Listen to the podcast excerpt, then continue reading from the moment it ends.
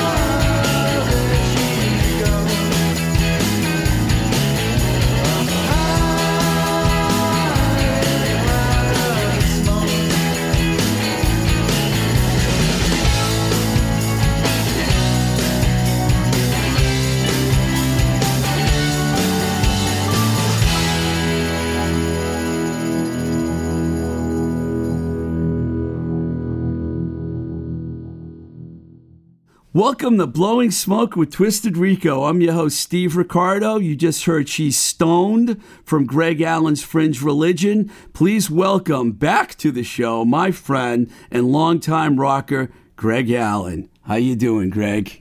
Fantastic, Steve. Great to see you again. Before I jump into a couple of things, just tell us a little bit about recording that track and that whole thing, just so our listeners will know who you recorded it with, where you did it, and all the good stuff. We did that a couple years ago, maybe a few years ago now, up in Vermont with Paul Kolderie. He engineered it. He's a well-known guy. Yeah, it was Pete Weiss's studio. Paul's done a lot of a lot of stuff, like the whole record. He's done uh, Radiohead, Volcano Suns. He's played worked with everybody. Belly? Did he do Belly I think too? he did Belly. Yeah. Tons. He's got a huge history of, uh, you know, recordings, productions, and just engineering. Great guy. And uh, we, it was at Pete Weiss's studio called Verdant Studios, which was on like 20 acres up in Vermont by Saxton's River.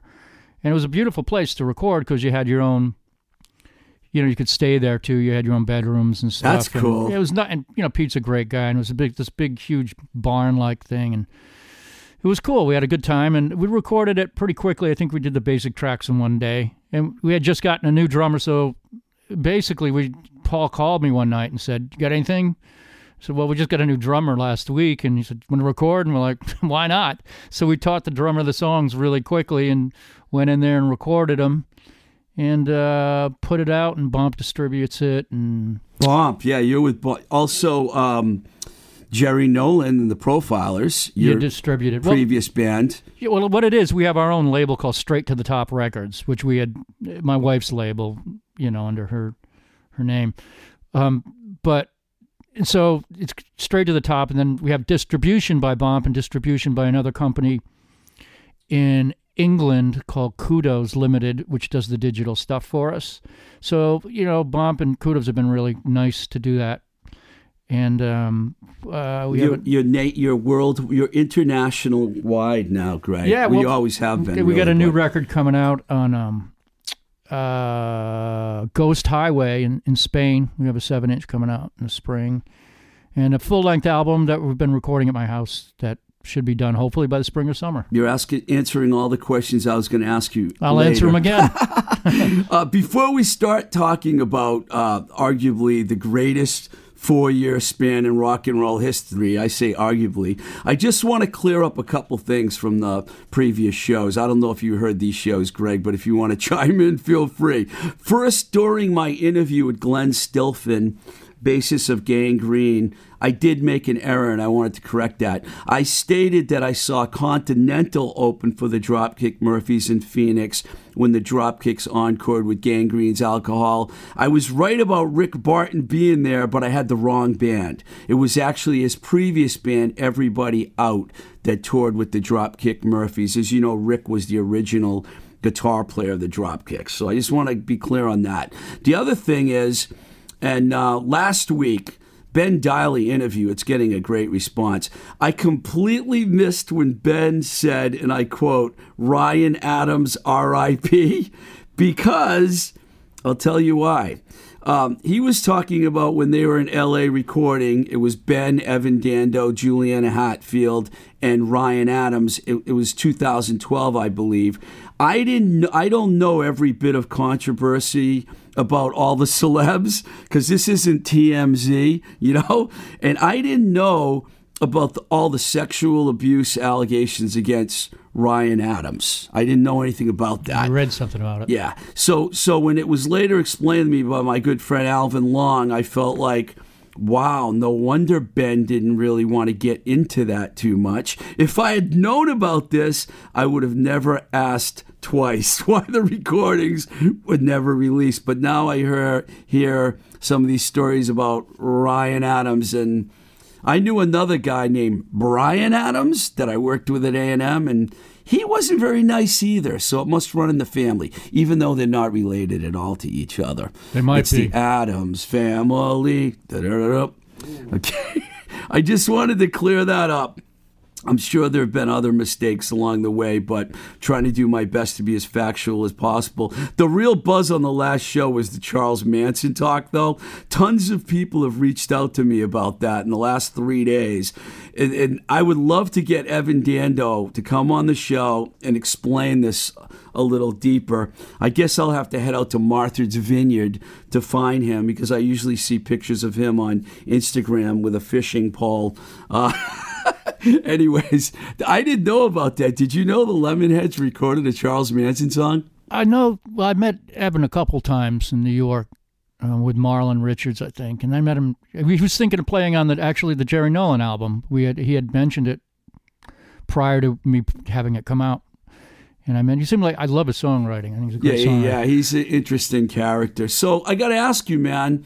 Since March, everything's been a little bizarre for all of us. How I know you work and you have a, a regular job too. How have you been able to like adjust to everything that is the chaos that is 2020? Alcohol. What's you go to? I'm a Um, red wine guy myself. Yeah, that's same here. Red wine, no beer anymore. But no, I don't know. You know, for the first couple, like first week, it was sort of weird, like living in a vacuum because you didn't know what exactly, how severe it was, and how, you know, what exactly was going to happen. You know, it's kind Right. of that looking into like this void of nothingness is like is it really you know if i go to the supermarket will i croak you know a week later so it was weird and then it kind of i felt a little more relaxed and less anxious but as far as recording stuff or, or writing music um it's a You- little You weird got your own studio now in your house, Well, right? yeah, we've been well. We come. They go in with a. You know, our guitar player brings a laptop in, and we mic stuff up in the basement or the attic or whatever room's suitable for what we need to have recorded. And um, so he does a great job doing that. So it's been we've been doing it at our house, and we've got about six songs down. But So you ha- you've been able to continue doing music even though it's been turbulent time. well, we stopped about a month ago because everybody was so many people getting infected with us, even as a band.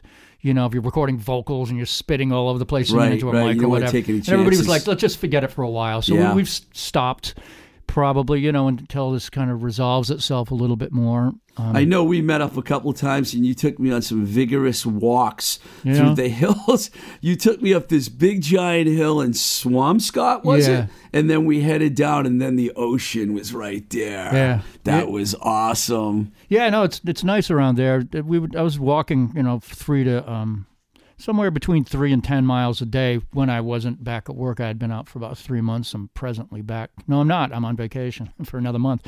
But um, Oh, so you did you didn't go to work for a while. no, not for about three months. I was off for about three months, but myself and this other girl are back there. Um, uh, you know, there's not many people there, but um, I'm on vacation for the next month anyway. But uh, yeah, That's awesome. Good Yeah. time to be on vacation. Yeah, yeah, especially considered there's that surge and this Yeah. stuff too. You know, it's like I don't know. It's the older people you have to concern yourself. with, Yeah. you know, your mom or dad or grandparents, whatever. Yeah, well, we're doing everything we can to uh, to survive, and I'm glad you're surviving. Um, you know, I absolutely love geeking out on music. In the '70s, uh, you know, man, the '70s was so good that you could talk about the '70s forever. So I thought it would be a good idea to talk about the early '70s, and I thought about Greg because Greg reads about as many music books and listens to about as many records as pretty much almost anybody I know. so I figured if I threw something out at you, you would respond, and you did. Yeah, So just take a look at me. I mean, you know, look at the guy and you go, oh boy, you know. So yeah, no, I'm you know a product of my generation. yeah. Plus, you were in the New- you were part of the New York scene, part of the Providence scene, and part of the Boston scene. So you know the uh, the whole East, well, the Northeast, anyways, pretty good. And um, you uh, have that Dolls connection too, you know. Yep. So, so I came up with a list of 20 albums, and I asked Greg to pick five that he wanted to talk about that meant something to him in one way or the other, and then I did the same. And I thought that we could both chime in on each other's list. So I'm going to let you go first, and I'm going to I'm going to introduce the re- the records that you talked about, and you can tell me why. The first one is the New York Dolls, self-titled 1973. Now I only put records in between 70 and 73 on the list just to prove what an amazing period it was. You know, there's a book on. It's called. I forgot the title of it, but it's specifically about music in I think 1971. Just that whole year, and all the songs, great songs that were released. You And, got two from 71 on your list. oh, do I? yeah, you do. Well, you know, I you know I grew up being a teenager around that time, and all that stuff was just you know it was like candy, you know, Yeah. for everybody who grew up in that generation, or a lot of people. It's changed after the '80s, but you know the '60s and '70s I remember I had babysitters coming over with piles of records, just playing them for me when I was a little kid. And you just, they would, you know, save their babysitting money and go buy records. And same probably with my generation, and not so much later on. So, so the New York Dolls self-titled record produced by Todd Rundgren. What's your whole thought about that record? I think it's a brilliant record, and I think Todd Rundgren hated every minute of producing and recording it, and he thought it was probably embarrassing. Really? Yeah, I've seen a couple of interviews with him, and he just just glosses over there. So you know, Steve Jones from the Pistols had him on, and Steve Jones, a big, huge Johnny Thunders New York Dolls fanatic, and was asking him on his show, uh, ZL. What's that show in um, uh, Uh, Jonesy's Jukebox? Jukebox. But I forgot Yeah. that it's in L- Los Angeles. Yeah, it's in L.A. And so they had station. him on, and they asked him, you know, what do you, and you know what? I really want to ask you, Todd, about that New York Dolls album. Todd's like, oh, well, there were a bunch of bands around there that they couldn't play their instruments, and you know, I realized that one band had to kind of come to the top, who was, you know. And he goes, uh, Johnny Thunders would come in, he was all sullen, and they just make everything really loud. And it was, you know, I thought I was giving New York City a gift. Instead, I just moved out of New York. Um, he- Wow. he, didn't seem like he liked it at all. He said they were just, you know, pushy and arrogant and loud and obnoxious, and that's what you want in a rock band. Yeah. Meanwhile, you get personality crisis, Jet Boy, Trash. I mean, I'm only naming three songs. That record was like Vietnamese loaded. baby, every single song on that, you know. I mean, and Jerry was never happy with the drum sound, and I think it was recorded pretty rushed. I think. Um, He wasn't happy with Todd Rundgren's drums. I don't think I, I- I don't think everybody was that happy with Todd Rundgren. Uh, You he know, was pretty young then. He was only 22 when he recorded that record. If you can Todd believe that. Rundgren? Yeah. well, he had been. I think he might have did Grand Funk after that. He did a lot of Bad stuff. Finger. Did he do Badfinger too? Yeah. he was a great producer. Um, and I think you know some of his records are good, and some of them are horrible. You know, I mean, like something anything's a great album. You know, Wizard of True Stars just I don't personally it puts me into a coma. but um, as far as being a, a producer, I think he he's produced some made stuff sound really great. But I don't know. You know, This is why I wanted you here because I know that you would be, you know, you would use the Lester Bang school of like honesty here. just calling him like I see him. You know, and it's only personal. So if you have any complaints, uh, Let me just t- say a couple of things about Todd Rundgren because I thought he had some really good songs, but if you look at his, they all came out around the same time, like Right. "Hello, It's Me." yeah, that was a great song. Couldn't I just tell you? And he had a bunch of good songs, but then he went on and made a bunch of, I don't know what to happened. face the music. He did that Beatles kind of thing. Then he did the Utopia stuff, and then he did some of his stuff's downright dull. It Yeah, I didn't is. really get into Utopia at all. I do like Todd Rundgren, but I did not get into Utopia. No, I me just either. It's just that was sort of like now I'm going to be a guitar hero. Look at me. Like okay, you know we've seen. He is unquestionably a great musician, Sure. you know, so he probably got his head probably got really big Yeah. because he was young. And then he said something about the Beatles. He made some comment about John Lennon, some snide comment. The letter, there was Yeah. a letter. I remember hearing about that. And I just think, I don't know. I mean, you know, Todd, there used to be these cult, this cult Todd thing that was going on, like in when I was younger, like Todd said this, Todd will do this. Listen to Todd's new record. I'm like, what the, you know, no. He did get Bebe Buell though, so he did something right. yeah, he did. Well, I mean, probably because of his high profile. It certainly wasn't because of his looks. For people that don't know, Bebe Buell is married to. I think they're still yeah. married. BB, She had Steven Tyler's, you know, Liv Tyler's mother. yeah, Yeah. yeah. I always get her name wrong. Sorry. Um, so, do you still like pull out the Dolls record now and listen to it? I do, uh, but not as much as it lived on my turntable when I was like 14 or 15 because it was just, you know, similar to like my experience with the first MC5 album. Good segue because we're going to talk about your second choice, which was, I think, their second record back in the USA. yes, yes, and the guy who did Springsteen produced it, made it sound- Jon Landau. Right, right. But um, the first Dolls album, sure, I actually bought another. You know, you could get it in the cutout bins when I was a kid because everybody in my neighborhood hated it, and everybody I went to high school with hated it. And it was the same thing with the MC5 Kick Out the Jams. We don't know you. We hate this record. They get that famous thing in the Creem poll where they were best band and worst band. Yeah, In the same poll, they were voted best band Well, and worst band. The dolls were about entertainment. Jerry used to tell me stories. He's like, at first they wanted to market the dolls like the monkeys, where they were going to have a curtain. That's what Jerry told me, Jerry Nolan, the drummer. Yeah. And said they put the dolls in front of it and they'd say, What are you, nuts? No, we're going to play our music. They're like, You can't play well enough. We're going to put a curtain behind you and have musicians behind you. And then um, they would do shows like, you know, Old Gray Whistle Test, and the camera crew would go, okay, here's what we're going to do. We're going to put, you know, f- we're going to photograph or uh, film the guitar player's fingers while he's doing a solo. then we're going to go to the drummer, and you're hitting the drums. And Johansen would say, what are you, nuts? Take a, take a look at us. You want to film the guitar player's fingers. And he had a close up of it. Take a look at this, you know? So they were all about kind of freaking you out and stuff. And no one knew how to deal with them. But I loved the music, and both records were you know, great. I got to see. I didn't see the original Dolls, but the Charms when I managed them did a 22 city tour. But it was Sylvain, Sylvain, and David Johansen. Right, I saw you guys. I saw the. Charms twice on that. I saw Yeah. them at Randall Island and in Rhode Island. I But they were good though. They were still good. They Yeah, it was a different thing. You Yeah. know, just Sami Yaffa, who's a great guy and a great bass right? player. Han, uh, Hanoi Steve- Rocks. Yep, Hanoi yeah, Rocks. Hanoi Rocks. And uh, Steve Conte, was an excellent guitar player. Well-known guy. Yeah. They were good, but it wasn't the same thing. But you know, they played a lot of the old songs and it sounded good. Well, I'm glad we started with the Dolls because I know you're a big fan. MC5 back in the USA, 1970, produced by Jon Landau.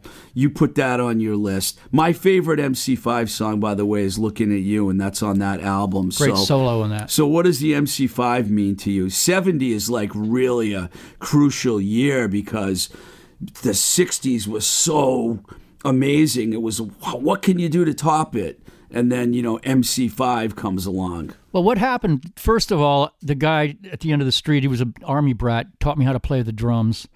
You know, and we used to go smoke catnip out in his um, in his. Uh, had like a tool shed, and because they couldn't get pot, so we smoked catnip. And I was like eleven, and you know, it was like smoking a banana peel. You just get a Right, headache. right. We'd get a headache. We'd go into his house and listen to Kick Out the Jams. I'm eleven years old, and you know, his parents would complain, and he'd show me a few things on the drums. And I was like, these guys are great, you know? And so I finally got the record, Kick Out the Jams, and they were immediately dropped, you know, because they said, screw. I don't know. Can you swear on the show or no? Oh, you say fuck All as right. many times It's, as they you had want. it's, the MC5 put out. You know, they wouldn't carry the record in uh, department stores. The MC5 kick out the jams album because they said, you know, kick out the jams, motherfuckers. and when they, you know, and and so Hudson's wouldn't carry it. in A line of department stores. So then MC5 took out an ad. This is while they were on Elektra Records, and all the magazines that said, "Fuck Hudson's, don't buy any shit from them." So it immediately Elektra threw them off the record label, and they got another deal on Atlantic. That's when. Um, excuse me, back in the uh, back in the USA comes out, yes. and they had Landau produce it. And a complete polar opposite sounded like a transistor radio compared to you know what you thought they were going to sound like. But the songs were great, you know, like uh, Fred Smith does uh, "Shakin' Street" and "Human Being Lawnmower" and "Teenage Lust." And they do Chuck Berry back on the USA. That was a great song. Everything uh, that was another one. I remember buying it for three dollars and forty four cents at Wow.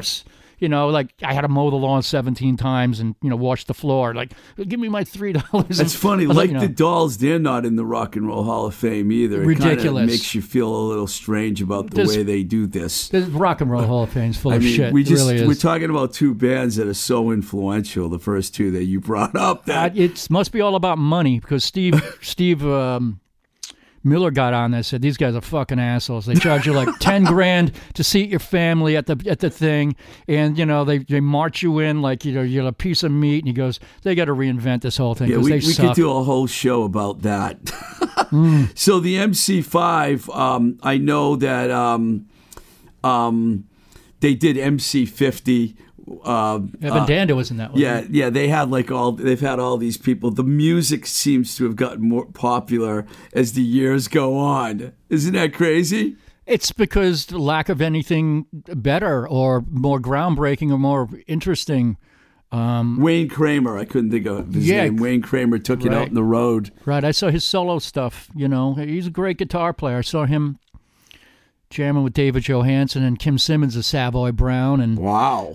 David Johansen came over when I was at work one day and he said, ah, you know, he'd been drinking apparently. And, oh, check this out, you know, take a walk with me. So me and this other guy walked over to Tramps and they were rehearsing this band that never came to be. And it was Wayne Kramer on guitar, David Johansen singing, Kim Simmonds of Savoy Brown playing guitar. Wow. A couple guys from the Delancey Street Hawaiians. So me and this other guy from work just sat there that afternoon in Tramps watching them rehearse for like two or three hours. And it was fucking great. And the band just never really came to Wow, fruition. I didn't know as a about group. that. I don't think anybody did because it never really, you know, showed up. You know, That's a good one. could have been. right, let's see what else we got here. Well, this one right here, it's hard to argue your choice here. Rolling Stones, Sticky Fingers, 1971, produced by Jimmy Miller. Oh, he was I mean, you got Brown Sugar, Wild Horses, Dead Flowers, uh, Can't You Hear Me Knocking? Uh, those are coming off the top of my head. I know there was more. I mean, that record, Sway. Yup. Bitch. Bitch, bitch was on that. And Wild Horses they did in Memphis, I believe, and I saw the receipt for it, and they just went and recorded in Memphis while they were on the road, and the receipt was like fifteen hundred dollars to do the whole song, like four hundred dollars for the tape and thousand dollars for the studio time, and they cut it. And Mick Taylor played guitar on that one, right? Yeah, he played guitar on that all that whole that whole era with Jimmy Miller, which I think I you know is their best, uh, most productive time. Um, but yeah, yeah, that was a great. Do you album. know a lot about Jimmy Miller? I know that he had done. Um, I think he had done Traffic? traffic. Traffic, yeah, he had done yeah. traffic, and then later on he did Johnny Thunders, and he did um. He did. Wow. Sure, he did that album in Cold Blood that was recorded in Revere, Massachusetts, and he did some stuff with Thunders that in um, New York too. I believe the stuff that came out. Um, Johnny Thunders recorded in Revere. I recorded in Revere with Billy Rath, who, who was in Johnny's band. Johnny Thunders recorded at Euphoria Studios. He did an album with the guys, the Daughters. Oh Joe yeah, Mazzari, yeah, Joe Mazzari, Simon Ritt. Yeah. and um, they did did an album called In Cold Blood. Some of it's half of it's live, and I think half of it's in the studio with Jimmy Miller. Pretty That's cool right. stuff. I forgot about that connection with Yeah. the uh, Joe and uh, Simon. Right. Because the daughters, they had that song "German Girls" that I used to play on my college radio. the Daughters used to do a lot of shows, being Johnny's opening band, or they'd be in the band sometimes, and that's how uh, my band in New York got acquainted with that all those guys through the Daughters, you know, because they'd always open for them. Getting back to Sticky Fingers, um, wh- what's if when you think about that record, what do you stick? What sticks out the most? The music, the playing, the all of it. I mean, what what really? Why would you put that on your list? Um, you know, the album cover and the inside sleeve with Keith Richards pushing his, you know, his hands into his jacket to represent something. We should be talking You know, about the covers. Uh, You're right about and that. cover was the Warhol cover was ridiculous. And as soon as you put it on, every song on there was great. And you know, Brown Sugar was great. And it was just unbelievable. Great vibe, great playing. Charlie was on fucking fire. That guy was he could swing, you know. And and that Great rhythm oh, section. Oh man, the horns and everything, the whole thing's black. The guitar, it was just a fantastic record, like Exile, like that one, like Goat's Head Soup. Goat's Head and- Soup, I love, by yeah, the way. all of That's them were great. Probably my favorite because till the next time we say goodbye. That's on. Um, that's on. Actually, it's only rock and roll. I'm sorry, it's only rock and roll. Yeah, that one too. I wrote the three Stones records that I liked, and that was those are the three right there. Yeah. I don't know. Maybe it's only rock and roll is my favorite. I, Great, getting too. confused. the great Stones have so many. The body of work. I mean, are they like one of your favorite bands? yeah. Um, definitely. You know, I mean, I'm trying to think of the first You album. like the Stones better than the Beatles, don't you? I like both of them, and I- Good answer. I can't really say they're both. They both came from the same ilk. They both were like the Stones were more blues oriented, and, and the Beatles originally more of a skiffle band. Yeah. and kind of gener- turned into something. You know, if you listen to Sgt. Pepper's and Magical Mystery Tour, that doesn't sound like R and B. That doesn't sound like anything. It's an invented music that sort of was groundbreaking because it's you can't classify it as anything. Where the Stones still stuck with their blues, folky, country, uh, jazzy-ish, you know, roots. You know, they really were influenced by Amer- a lot of Americans, you know, because they ended up going to Chess Records when they were young. Muddy and- Water Story. Yeah.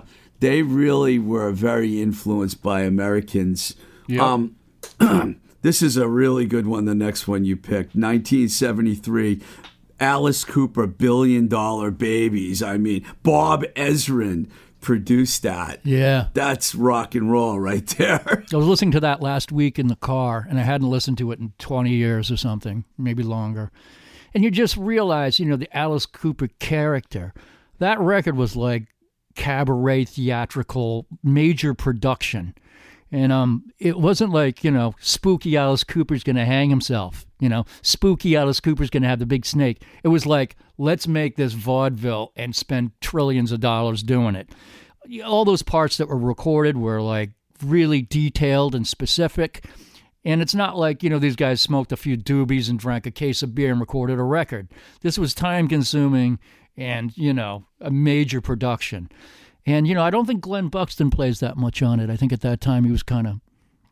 Um, Figures you know, uh, you, uh, you probably know every guy that was in the Alice Cooper band. yeah, and they had some other players like famous t- band. a- like a couple Canadian guitar players, and I, Hunter and Wagner also, who played with Lou Reed, played on that record, I believe. And um, you know, original Neal Smith, uh, Dennis Dunaway, What I remember is elected because it was really funny that he came out with a song. I want to be Yeah. elected. The video really- was great for it. Yeah, and then uh, um, no more Mr. Nice Guy. Yep. Yeah. Yep, that was a big hit too. I think No More Mr. Nice Guy was the big hit on that record. There's several Alice Cooper records though that you could rave about, man. yeah, He's Killer and Schools Out. Oh, man. Love It to Death. Even the early first two I loved. So do you really? He he's probably the one that started the whole uh, horror rock scene. You know that Manson, Marilyn Manson, and all these people ended up following. Cooper's pretty much the main started I'm trying to you say? think who prior to that who was doing stuff. You know, you had Arthur Brown, you know, The Crazy World of Arthur Brown. and you yeah. had um crazy entertainer guys, but nobody who was gonna, you know, no one that commercialized the way Alice Cooper right, did. and you know, to, to make sure that your parents hated this fucking guy, so the kids would go buy the records. I think he was probably the first to do that, and I don't know how that. I think they, you know, they were hanging around with the GTOs back then. You know, when they the two albums, the first one's Zappa's label that they were on, and Zappa, you know, they sounded like an art band for the first two records, but I don't know how the shtick really came to fruition with a big um spooky. the and, show. I saw Cooper in the '70s. It was just unbelievable. I saw man. Welcome to My Nightmare. and- Yeah, and I then- think that's 77, I think, is when I saw. I was like a 16 year old teenager. I wish I had seen like Love It to Death or yeah. Killer or something. Yeah, didn't he like hit, chop his head off or something? He was hung during Killer. I think uh, you know. I think he got his head chopped off, and you know it's kind of corny now. But when you're like 13 or 14, Yeah, it's like, like, seeing wow. Kiss. It was like I'm not a big Kiss fan, but I remember in 1978 when I saw Kiss, I was like, "Oh my god!" I saw Kiss Black Sabbath with the headlining band, and Kiss opened for him. oh my god! and they blew Black Sabbath off the stage. It was only because fire and bombs kind of trumped, Yeah, the, uh, you know, a guy with a spandex suit on. Because you wouldn't, like, I would, and I don't know about you, but I wouldn't put music wise Kiss in the same category as Sabbath. No, it was, a, it was bad. Poor Black Sabbath got the shit pounded out of them with a lot like Van Halen having to go you know, open for Black Sabbath and Kiss, and they always got blown off the stage. It's not Black Sabbath were great, you know. Yeah, I mean, I loved I all love the records, but it, unfortunately, whoever uh, orchestrated those, you know, tour bills was not thinking. All right, you got one more on your list, and it's really hard to say anything negative at all about this record.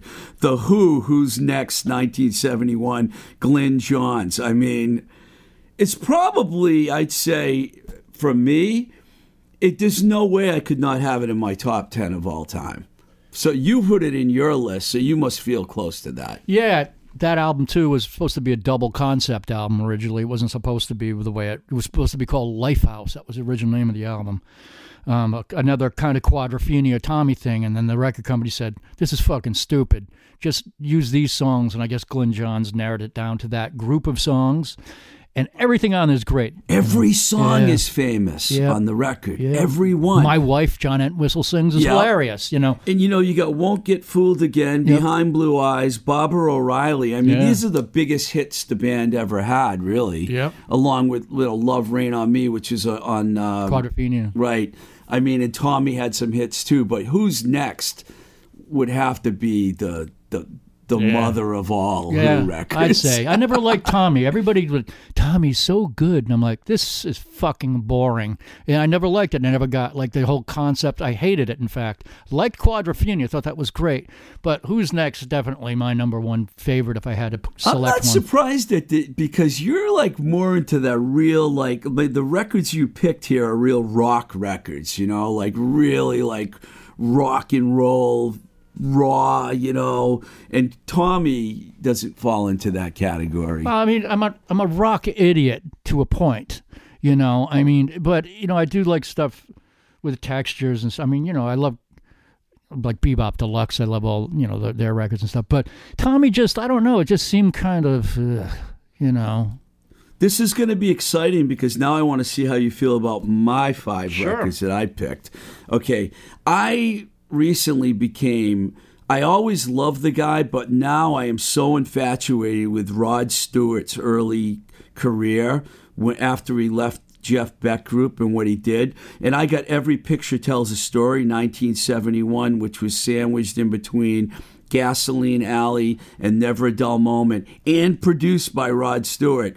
And the album's loaded with hits. Ronnie Wood, of course. I know oh, yeah. you love Ronnie Wood. Yes, I do. He's on it. Micky Waller plays drums. And then he's got this guy, Long John Baldry, which not very many people know, but he does the background vocals on Every Picture Tells a Story. He does that real. I always thought it was Ronnie Lane singing it, but then I found out it was Long Wow. John Baldry. The one song on the record, which is really unusual because Maggie May, Mandolin Wind, they were reasonably all hits. I'm Losing You, the old Motown cover. It's actually the faces that play on that Rod Stewart record. They were intertwined. They did Yeah. the solo albums with him, then they did their own albums, and it just was a strange deal. How do you think Rod Stewart was able to keep two bands going like that? And they made six records in three years. How'd he do it? I think he probably had some kind of agreement where the faces said, "Well, we're you know basically the small faces anyway, and we're doing you a favor." You know, and then he probably said, "Well, you know, I got this deal with this is I'm just assuming this would have happened, something like that happened," and maybe the record company said, "You know, that band, you know, who are backing you really are great," and so maybe they said, "Well, why don't we do it like this? Rod will do his own albums and have you guys be the backup band. Then you guys sing that you have your own creative vehicle, just without Rod, you know, because Ronnie Lane and Ronnie Wood and all those guys wrote." they can put out faces albums under the faces. Then it got to the point where it got kind of convoluted, and I think you know because Rod Stewart got pretty big, and then the Rolling Stones, you know, got rid of Mick Taylor, quit, and then Ron Wood went to the Stones while still being in the faces. And then Rod, as we all know, it went to Hollywood and Yeah, I don't wrote know some happened. really shitty songs. I really love Rod Stewart, but he definitely let his career go in a like hot hot legs. I guess was Yeah, okay. it was cool. But some of it, but you know, it was funny during that period because I did research this. All the American tours were the faces. He never went on tour at that time. Rod's Right. he had to have Ronnie Lane and Ian McLagan and those guys because they were great. They would go on the road and people would love the faces. You know, they kick soccer balls around and drink. Yeah. They had a bar on stage, you know, and they drink pints of beer, and it was, you know, a party band. Yeah, you know? the stories that Stewart ended up telling about some of the things that they did, the cocaine and all this stuff, and they would they a lot of hotels in America wouldn't let them stay there, so they started booking them their hotel rooms as Fleetwood Mac, yeah, and then they wouldn't let Fleetwood Mac stay there. and it was like the Peter Green Fleetwood Yeah. Mac. It wasn't like Stevie Nicks, and uh, this is like even before that because I don't even know when that started. This guy I used to work with hung out with the Faces one night in Providence, Rhode Island. and said it was just, uh, it was just insane, you know. Yeah. Uh, okay, I'm going to go here to 1973, Lou Reed Transformer, his second solo record following uh, Velvet Underground. And the thing that fascinates me the most about this record, and I know you're going to like it, produced by David Bowie and Mick Ronson. I mean, imagine those three guys together in a studio recording. Well, I think Ronson did pretty much all the string arrangements. And uh, it's a very weird combination. You wouldn't expect Lou to be tolerant of that kind of thing, you know, because Lou is pretty much in his own sphere. I think there might have been some extracurricular activity going on between some of the members. They were all on RCA Records too, which had it, you know but I think there was the, the thread might have been um, I don't know what. Um, I think uh, Bowie loved Lou's music, and I don't know if In the movie Almost Famous, the scene where like Bowie's doing Lou and Lou's doing Bowie, but then Lou's doing Lou. You know that scene I'm talking about. I don't about? remember, but Lou an interesting guy. Apparently, I'd never met him. Did it, don't you think Lou Reed kind of tried to imitate Bowie for a little while there when he dyed his hair blonde? Well, he and went got- over the top, and he Yeah. put swastikas in the in the side of his uh, in the side of when he shaved his head. You know, He did? sure Wow. he did. That was when he dyed his hair bleach blonde, and he had the black fingernail polish. That was around Metallic KO, and um, Lou was, you know, just try to get as much attention as he possibly could. I think. He's one of those guys that his music has grown on me over the years, even more so because Great. that album, A Perfect Day, that song, A Perfect, I friggin' love that song. Vicious, and then of course, Walk on the Wild Side is on that record, Yeah. which is probably, I don't know, is that his biggest hit? Probably, right? Probably. Sweet Jane. Sweet never became like a huge commercial success. Well, Walk on. It did in my head. Me too. And Martha Hubel's version was great too. Yeah. I thought. But um, the Lou Reed Transformer album, just amazing. Sounds of everything that was recorded were perfect. They had that bass player played "Walk on the Wild Side," that jazz guy, English bass player played that riff. That riff is the most prominent thing that really carries that song. His name escapes me at a moment, but Ronson's an amazing guitar. We don't player. know everything, people. We're trying our best here. Yeah, yeah, trying to pull names out of the But hat. I love the record. I put it on my list. The next record I have here is the first Queen album, Oh, which is probably the least one of the, except for Hot Space. That record did not get received very well, No. even though it had the big hit with Keep Yourself under, Alive. under pressure. No, I'm talking oh, about Oh, Hot Space. Yeah, Keep Yourself Alive was on this record with Liar and Doing All Right. But they were like a glam band back then. It was Roy, Roy Thomas Baker produced it. He went on to produce five records with them, the first five. But no one really talks about the first Queen record, but I think it's a brilliant. It's it's a glam rock record, basically. I got it when it first came out. I remember, and uh, I don't know why I got it. I think I liked the Probably cover. heard "Keep Yourself Alive" Maybe on the radio. I don't know if that was that big of a hit then, but that was their only hit. And I, and the reviews said stuff like, "This band is awful. They're like a Walt- Led Zeppelin wannabe," and I, I found not, nothing like that. You know, I just thought it was the whole different kind of thing. I thought it was a great record. The second Queen album was a little different, and I, you know, when the third one came out, that was just mind blowing. It's kind of sad that a lot of people didn't really appreciate Queen until like, you know, Live Aid. I know I it's mean, ridic- where ridiculous. they? I don't know. where the fuck were Well, no, they? they had hits, you know, like Bohemian Bohemian Rhapsody. That was on, you know, that was a big hit for them, and um, you know, but they really didn't get well in a- England. In England, you got to realize They were if- big there. I'm talking about America. Yeah, America. They were yeah. never as big uh, in America as they were in England. In England, they were just monstrous. You know, in America, they were like, oh, you know, the, the were popular and made a lot of money, and but they weren't like anything like they were respected in Queen After Freddie's death, though, in England. Sorry. it's like all of a sudden, eh, everyone knows Bohemian Rhapsody now. Of course, Uh, Wayne's World. You know, You mentioned Zeppelin. I had to. There were three records of theirs that came out during that period. I have it in my notes here. Led Zeppelin three and seventy, Led Zeppelin four and seventy-one, and Houses of the Holy in seventy-three. I took Led Zeppelin three because Tangerine, first of all, is my favorite Led Zeppelin song. And you know, Jimmy Page. That's the other thing that I love about when you think about Zeppelin. Jimmy Page produced. That record also had the Immigrant song, which is you know enormous. And since I've been loving you, and were you a Zeppelin fan? I was, but I not to. Uh, you know, be a bummer, but I didn't like the third album. I loved Houses of the Holy. I loved the Wait a minute, album. you didn't like the one I picked? No, thanks I, a lot. I, I hated it, and I didn't like the second one either. But I thought the first one was fantastic, and I thought you know Houses of the Holy was unbelievable. Yeah. and um, you know the the one with Stairway to Heaven on it was great. I liked Four. It. You know, I, I didn't four. care for Presence.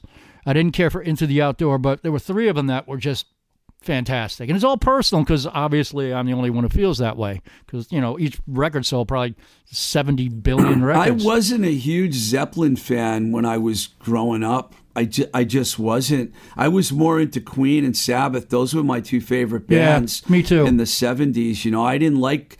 I had an ex girlfriend, Chili Kurtz. You know her. Yep, And I've she's met her. been on my show a few times. She worships worshipped Zeppelin, and I used to have fights with her all the time about. I used to say I like Brian May better than Jimmy Page, and we get in these fights.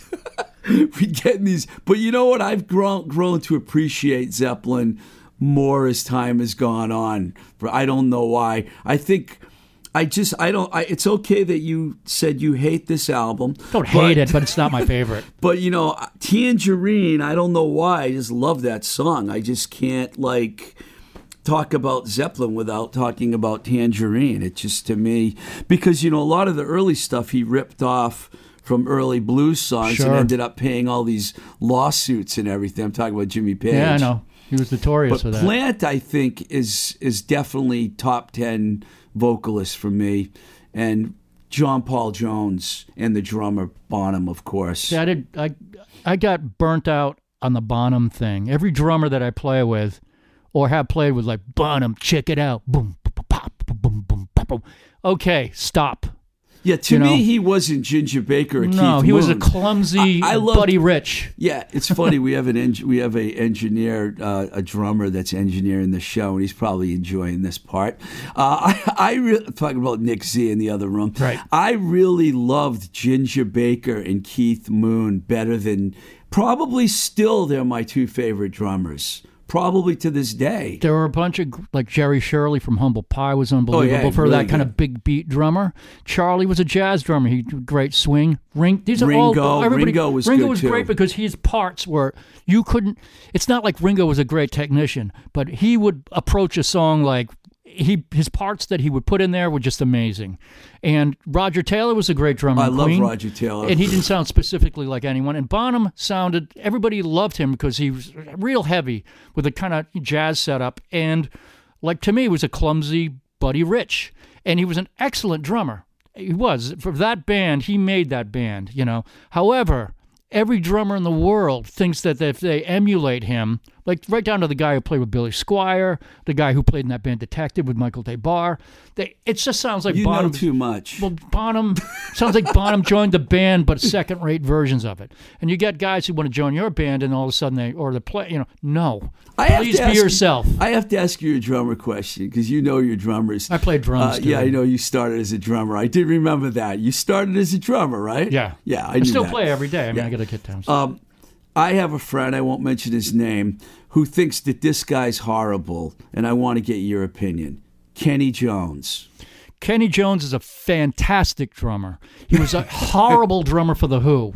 He was Yeah, he couldn't play the Who. He was right. just fire him in a second. I would have, but he was great in the faces. small faces too. You know, He was a fantastic drummer, had his own unique style, still is, but he was a bad choice for the Who. They've got Zak Starkey now, um, who I like Zak, Ringo's Zak son, Starkey. Yeah, who Keith Moon taught to play. Yeah. and I've seen them with him, and he's fantastic. He was in Oasis. He was in a lot. He did. A, yeah, he's a he great, did. great drummer. It's Perfect. funny because Keith Moon and Ringo were good friends, and yeah, I did hear that that that the kid learned more from Keith Moon than he did from his own father. Isn't that funny? I got a good Keith Moon story about a guy in Boston. Some other time though. All right, I got one more record on my list here because we're really we're really geeking out on this one.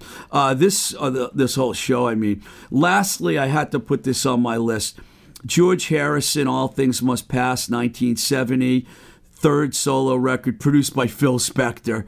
Isn't it a pity? What is life? Beware of darkness, and of course. My sweet lord.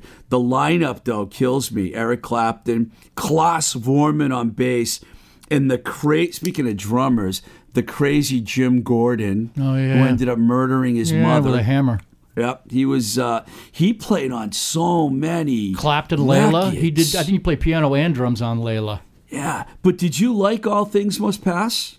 No, I thought it was boring and you know, kind of like You uh, hated two of my records on my I, top I just five. there were some good songs on there, and the, I think Spedding played on that record. Well, I and was think nice to you Peter about Fra- your I think Peter. Frampton played on All Things Must Pass too. There's some great players, Probably but it was just Billy Preston. You said, Pre- Yeah. yeah, Billy Preston. It's just when the, you start getting a three Ringo. album set, Ringo, yeah, great. But you start getting three albums sets. You know, Yeah, like it's a lot. like Tales of Topographic Oceans. But yes, like who wants to listen to that shit? I don't.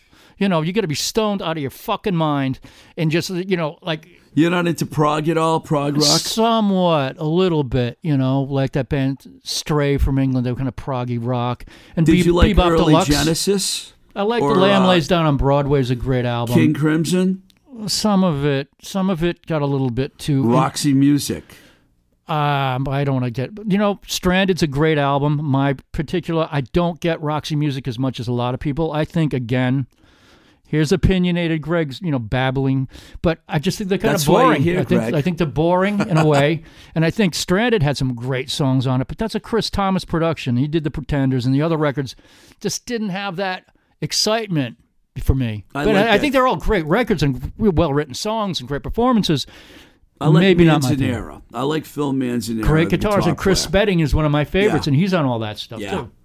too. Um, so you don't really have much to say about all things must pass. No, I think there's, you know, My Sweet Lord. Didn't he get sued for that? yes, by, he uh, stole the song. Yeah, right, we so know that. there you go. But Three you know, albums Jimmy and you Page steal- did too. So you know, I mean, some of these guys. just- been to Friar Park before. I've, I, my girlfriend had a house about a block away, and I got to tell you, I've never seen anything like that. I only stood at the the gate out in front, and it looked there was a huge mansion. It was like the size him of a and town. Pattie Boyd lived there, right? I never got inside. Oh, I thought you I- hung out with Pattie Boyd No, and Clapton know. and No, Harrison. no, unfortunately, that never, never, that never happened. Okay, so just to give people a little reference here about where the list came from, the original list, I'm just going to go down this list. And if you want to stop me at all at any time about any of these records, uh, Elton John, Yellow Brick Road, It's a good out, great album, double album. Pink Floyd, Dark Side of the Moon, Stayed on the charts for what ten years straight. Neil Young, After the Gold Rush, 1970. Great songs. Uh, Chicago's second record. They were great, great horn section. Then they got Cheese Orama hit hard. Yeah, they really, t- after Terry Kath. Yeah, he was yeah, great, Terry Their Kath. guitar player was great. Um, Grand Funk, Closer to Home. Uh, Wow. Uh, Goat's Head Soup. I know you like that Yep. one. Uh, Paul McCartney and Wings Band on the Run. great album. I like that. Still exciting, kind of and interesting. I almost picked this one. Uh, a Face is a not is as good as a Wink, 1971. That's great. Rise and Fall of Ziggy Stardust, 72. Down below, you know. I bet you you don't like this one. Yes, Close to the Edge, 72. this one will really excite you. Steely Dan Can't Buy a Thrill, 72. No, thank you. Ricky, don't lose that number, but, though. but you know the thing is that Derringer on that album, and now that they're not really well defunct or whatever, some of those songs are interesting. The subject matter were just so screwed up. They were great. I just kind of overlooked that. Even They were a little too smart, I almost think, Yeah, a little and roll, too- you know? cerebral for, you know. I like Brownsville Station I mean, they're like them. Westchester County, New York band. I mean, Yeah, you know, I think they were college- they went to- they the went to- Jewish community in Westchester. they went to County, college together, and they started that, you know, band. Uh, Humble Pie Smoking. Great, great Yeah, record. that was 1972. And we mentioned the Zeppelin records, and that was it. There was a lot more records I could have put on the list, but I don't know why. Those are the ones I picked out. If there's anything that you can remember from 70 to 73 that I left off, other uh, great records. I mean, that Brownsville Station Yeah album was unbelievable. did that have Smoking in the Boys Room it did, but everything else on it, you know, like Barefootin' and just great rock and roll songs. That was a great uh, uh, underrated album. Greg Allen to pull out Brownsville It's Station. just it's a fantastic record, and that record was great. And obviously, Mott the Hoople, the Hoople, and Mott the Hoople, Mott and Mott Oh, the yeah. Hoople, all the young dudes, and uh, Bebop Deluxe Records, Sunburst Finish, amazing. Talk about prog rock. These guys could do prog rock, reggae, rock, glam, all in one, and make it cohesive. I think All American Alien Boy by Ian Hunter came out in 74, and that's why it wasn't on my list because I First one. love that album. I like the first one the best. like- with Once Bitten, Twice Shy, and 3,000 Miles from Here, 5,000. forget The reason I like All Amer- American Alien Boy is because Irene Wilde is one That's of my great, favorite great songs. song. Plus, Yep. Queen plays on, and Jaco Pastorius Oh, plays bass on the whole album. He was out there. Great bass player. Aynsley Dunbar, I think. Yeah, he was in drummer. Jefferson Airplane. He was in Zappa's band for a while. We're getting deep now, man. yeah. Well, listen, man. This has been a lot of fun. It probably went a lot longer than I thought it would, but I, I, I'm happy. I want to ask you one other thing before I play a song. I, you got into it a little bit at the beginning. What are your future plans, Greg, as far as what you're doing with your band, with your studio, with your future recordings? Are you recording the stuff now? What do you, what, what's going on? Give us a quick rundown. I've got to grow up. It's the first thing I've got to do. You know, I've been stuck gotta in. You listen know, to I've- Led Zeppelin three. I got to listen. yeah, you know, I'll be you strapped down and listen to that record. You know, like they do in Clockwork Orange. Have the have my eyes kind of held open and like, no, no more. Um, what what am I doing? I don't know. Good question. I, uh, you know, I just get up every morning and try to get through the day. Nick Z's in the next room. He's waiting to master your next record. I hope he does. He did a fantastic job on the first one. Um, well, you know, like I said, we're finishing up a record that we're recording at our house, my house, my wife's house. I don't know who owns the place. You know, it could be a rental for all I, would know. I'm drunk all the time. For it. By the way, if you, Heather listens to this show, she sent me a, a, a Christmas gift, a bag of candy. Thank you, Heather Stewart. I appreciate that very much. She's a great artist, your wife. She is. She's going to be president of Salem Arts Association starting in Fantastic. January. Fantastic. So, Steve, you should get some of your artwork in there. Thank you. Should you. check I it will- out. I yes. um, what we're doing, we're going to finish the record. We were thinking of putting a, a- out a, on vinyl, a 12 inch, uh, but then we're kind of on the fence about it because, you know, not many people are buying that much vinyl. I just saw this thing on that band Cracker, the guitar, David Lowery. And Right, he's like, I right. got tons of vinyl that I can't even sell. And he's a pretty big artist. So we're just going to be a full length record. We've got the single coming out in Spain on um, Ghost Highway. Marco, who runs the company, fantastic guy. Hi, Marco. I'm sure you're listening to this in Spain. Um, and then we Hey, love, we're international, man. I've got listeners all over the world, so Yeah. he probably will I hear it. hope he hears it. And uh, then we're gonna, you know, we've got distribution with Bomp and Kudos. Excellent We'd love to go over to Europe. Basically, we'd like to go over there and play. Um, I've got friends in Spain and England and uh, France and stuff, and we'd just like to go over and play. But in the meantime, we're gonna finish these records and hopefully just to get some gigs around town or I can't wait to see you live again. It's been a while Yeah, now. we're looking forward to playing again. I don't remember the guys in the band anymore because it's been so long. But I'll recognize them after I spend a few minutes with them. Well, Um, well, thank you, dude.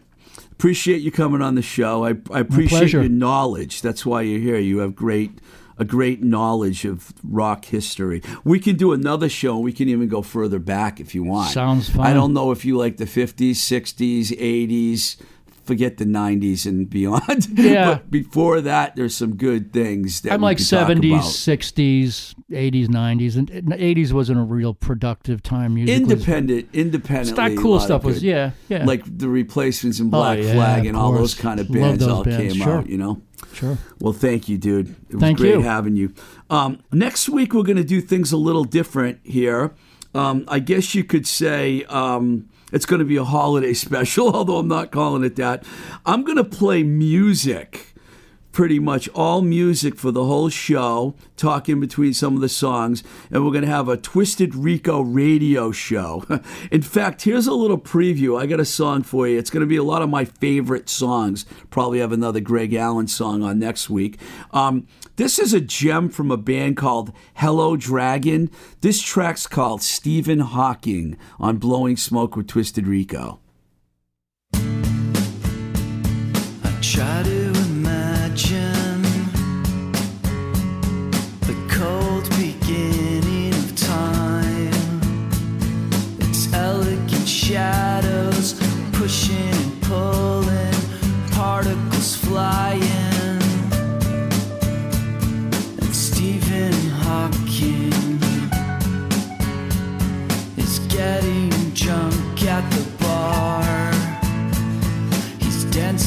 Drunk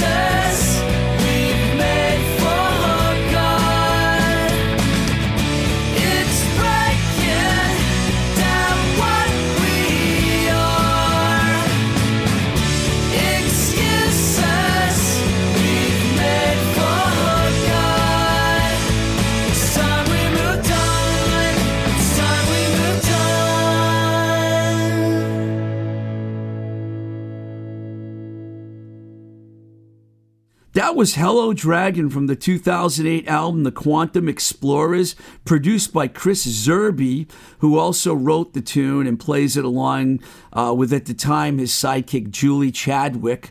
Old, these guys are old good friends of mine. I haven't seen e- either of them in a while. They're out in California. Julie played guitar and background vocals on that. Dave Foy on drums. Michael Eisenstein, who also co produced the record with Chris and. Uh, Josh Pickering on keyboards. Of course, that was an ode to the great physicist Stephen Hawking. you know, like I say every week, it's really important that we continue to support the mom and pop and independent stores out there like Baby Loves Tacos, who we mentioned at the beginning of the show. Places like the Moonbeam Cafe in Oakmont, PA. Spectacle Eyewear in Boston, the Dark Horse Pub right here in Somerville, the Record Archive in Rochester's, Anna's Taqueria, which is all over the Boston area, 1369 Coffee Shop in Inman. And actually, this morning I went to the Diesel Cafe in Davis Square in uh, Somerville, and I got my iced tea. And I want to mention my um, a, a store in my hometown of Webster, Mass. Book Lovers Gourmet. They've been doing a great job. These these stores need us more than ever now. So whatever you can do, whether it's takeout food, ordering merch, buying your favorite metal band's record, whatever, please. Same goes for our engineer here, Nick Zio. I want to thank. He's been doing an absolute fantastic job. If you have anything you want to record or master, get in touch with Nick. Easy to find. New Alliance East South Somerville, Mass. And I want to thank our patrons, including our newest patron, Mary. Thank you, Mary. Mary joined us this week, and I was really happy to see that. Uh, if you want to support the show, go to patreon.com forward slash Twisted Rico. If you have any questions, comments, whatever, twistedrico at gmail.com. Uh, there's also now an Instagram page that I set up uh, called uh, Blowing Smoke with TR. It's at Blowing Smoke with TR. I'm going to post a lot of photos and things there that I wouldn't uh, post anywhere else. So keep an eye on for that. And also, we have a Facebook page, and we're on some of our shows are on YouTube. So once again, uh, stay tuned next week. We'll be doing the completely different kind of show, which I'm psyched about. Going to play a lot of music. This is Blowing Smoke with Twisted Rico. I'm your host, Steve Ricardo. Till the next time we say goodbye, keep the rock and roll alive. We love you, Busy Phillips. And let me just tell you, the charm's so pretty. I never mention it. The opening track, the ending track, co produced by my engineer here, Nick Z, in 2004. Take care, guys. Thank you.